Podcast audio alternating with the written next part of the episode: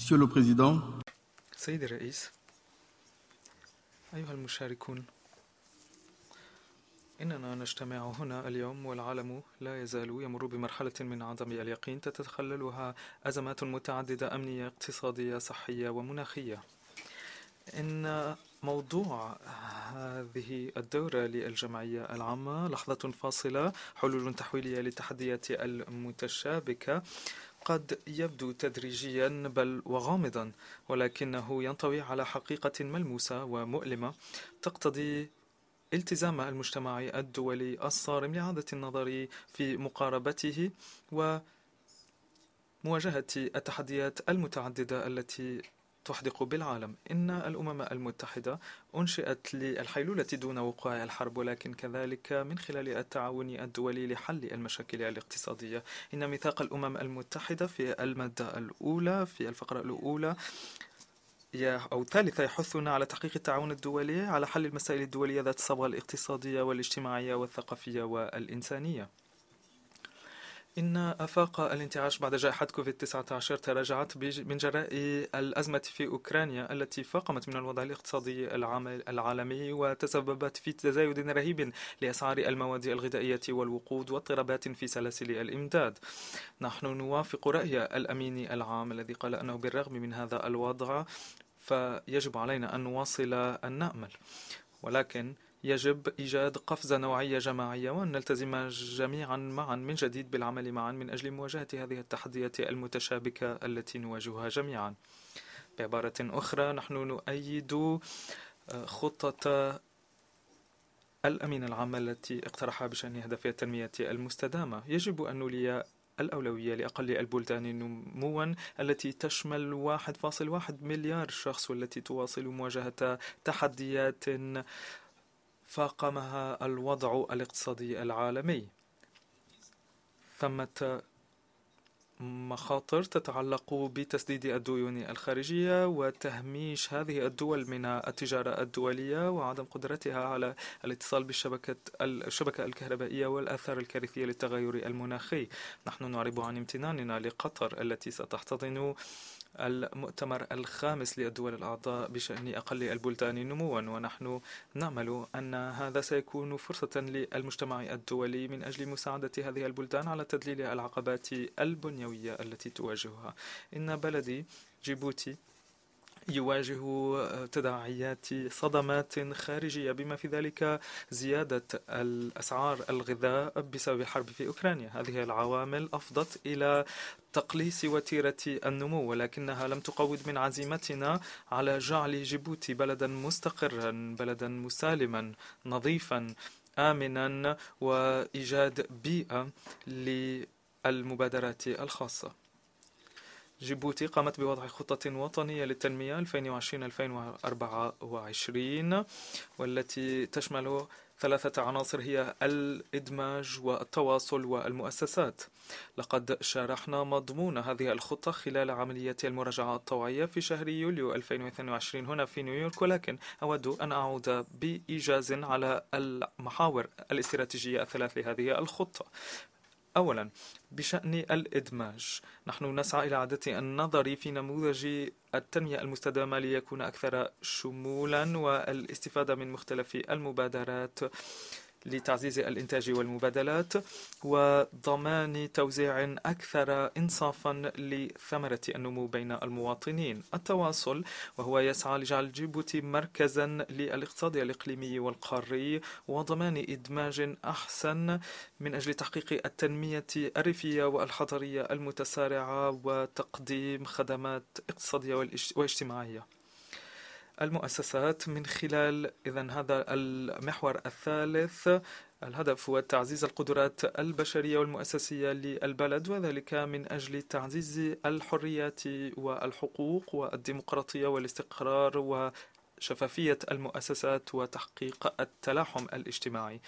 إن بلدي تحت قيادة فخامة الرئيس إسماعيل عمر جله عاقدة العزم على تحقيق الأهداف واردة في هذه الخطة ونحن نعول على الدعم دعم شركائنا من البلدان الصديقة. سيداتي وسادتي إن التغير المناخي يفرض تحديا وجوديا على البشرية برمتها. ولكل من لا يزال يشكك في هذا الأمر يكفي متابعة الكوارث التي نشهدها في العالم بأسره. كما أن التقرير السادس للهيئة الحكومية الدولية بشأن التغير المناخي يؤكد على ذلك و يجب أن يمثل نقطة لحشد جهود المجتمع الدولي. لا يمكن لنا أن نؤجل تنفيذ الالتزامات التي قطعناها ولا يمكن علينا أن نقبل بأنه من مؤتمر أطراف إلى آخر لا نقوم بما يلزم. ولذلك فنحن نحيي الرئاسة المصرية لمؤتمر الأطراف السابع والعشرين التي أو التي جعلت من هذا المؤتمر في صميم الوفاء بالالتزامات و حشد الموارد المالية والاستثمارات اللازمة من أجل مواجهة التغيرات المناخية. إن جيبوتي تؤكد من جديد على التزامها بتنفيذ اتفاق باريس بالرغم من أننا لا نساهم أو لسنا المساهمين الأكبر في انبعاثات غازات الدفيئة ولكننا نسعى بحلول عام 2035 إلى استخدام طاقات نظيفة حصرا.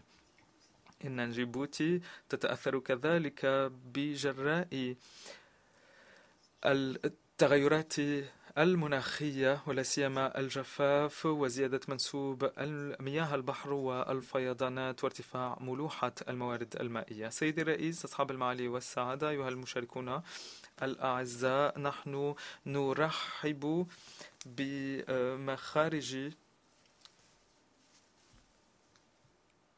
القمة التي نظمت بشأن الإيدز والملاريا تحت رعاية الرئيس الأمريكي بايدن.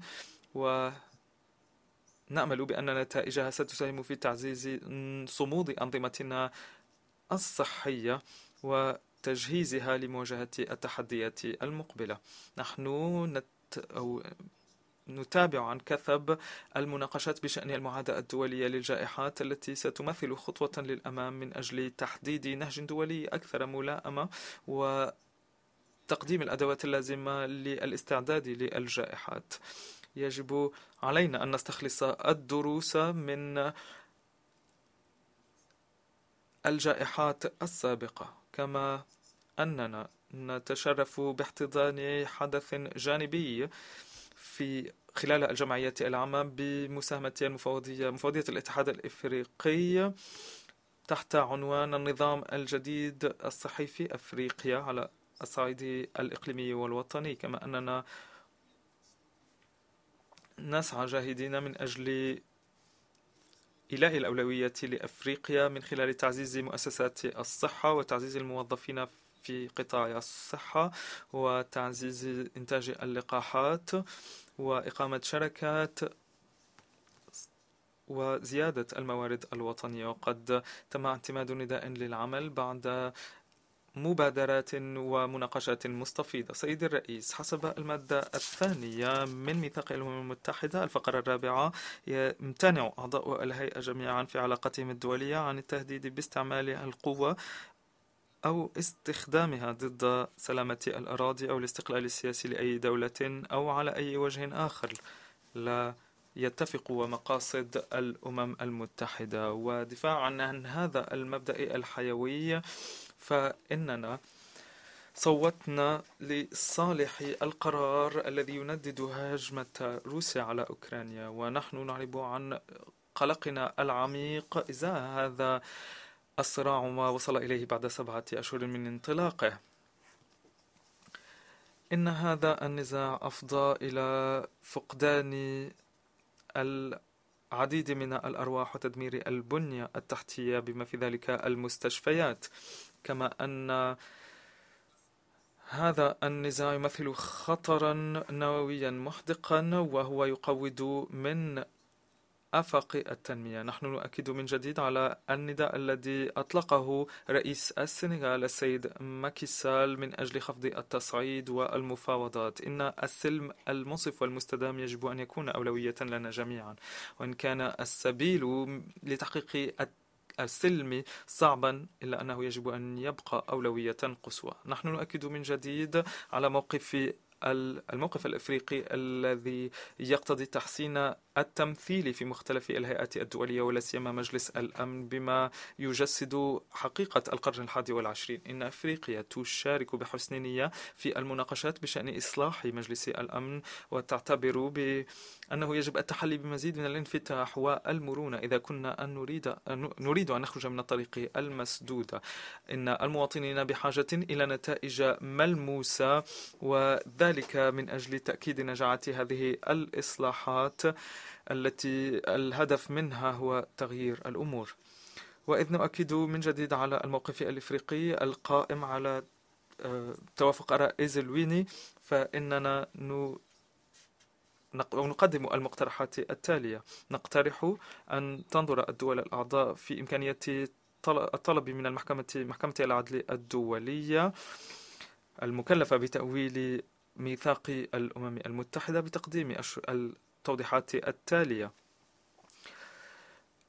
تماشي هذا الحق مع مبادئ ومقاصد الأمم المتحدة ولا سيما المادتين واحد واثنان وأن تبت المحكمة في مسألة هذا الحق ومدى احترامه للمواد 24 و 25 من الميثاق. ودون استباق است... أو إجابة المحكمة فإننا بحاجة إلى توضيح من هذه الهيئة. سيد الرئيس نحن نسعى لتحقيق السلم ونحن نؤكد عن تعلقنا بفض النزاعات بالطرق السلمية. ولذلك فقد وجهنا نداءات إلى إريثريا وإلى جيراننا من أجل تسريع وتيرة تطبيع العلاقات بين البلدين ولكن بالرغم من انفتاحنا واستعدادنا الأمين العام في رسالته بتاريخ الخامس والعشرين من يوليو 2021 الموجهة إلى رئيس مجلس الأمن عرب عن أسفه لغياب تقدم محروز بشأن المسائل العالقة في مسألة الحدود ومآل المساجين الثلاثة عشر من جيبوتي. نحن نأمل أن جي أو إريثريا ستقبل من جديد نداءنا من أجل حل هذه المسألة من خلال حوار ثنائي الطرف. كما أننا نحث جيراننا من جديد على البت في مسألة مخيم أندا ألي.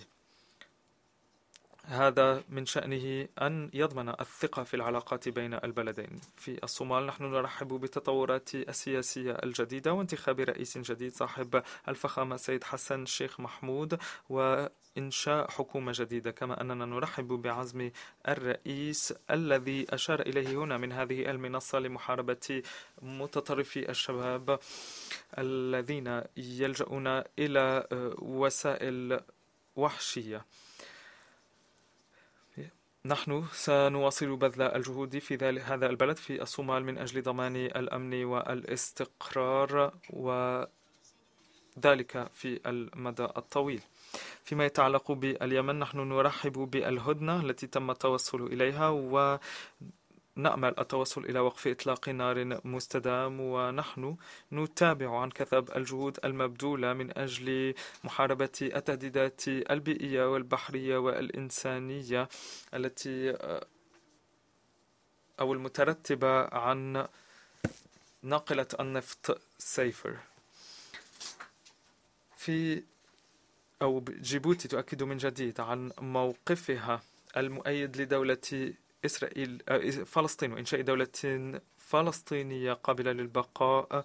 عاصمتها القدس الشرقية تعيش بأمن وسلم مع إسرائيل. في الختام يتعين علينا أن نعمل معا من أجل بناء منظمة أكثر قوة وبإمكانها مواجهة التحديات العالمية. شكرا على حسن إصغائكم.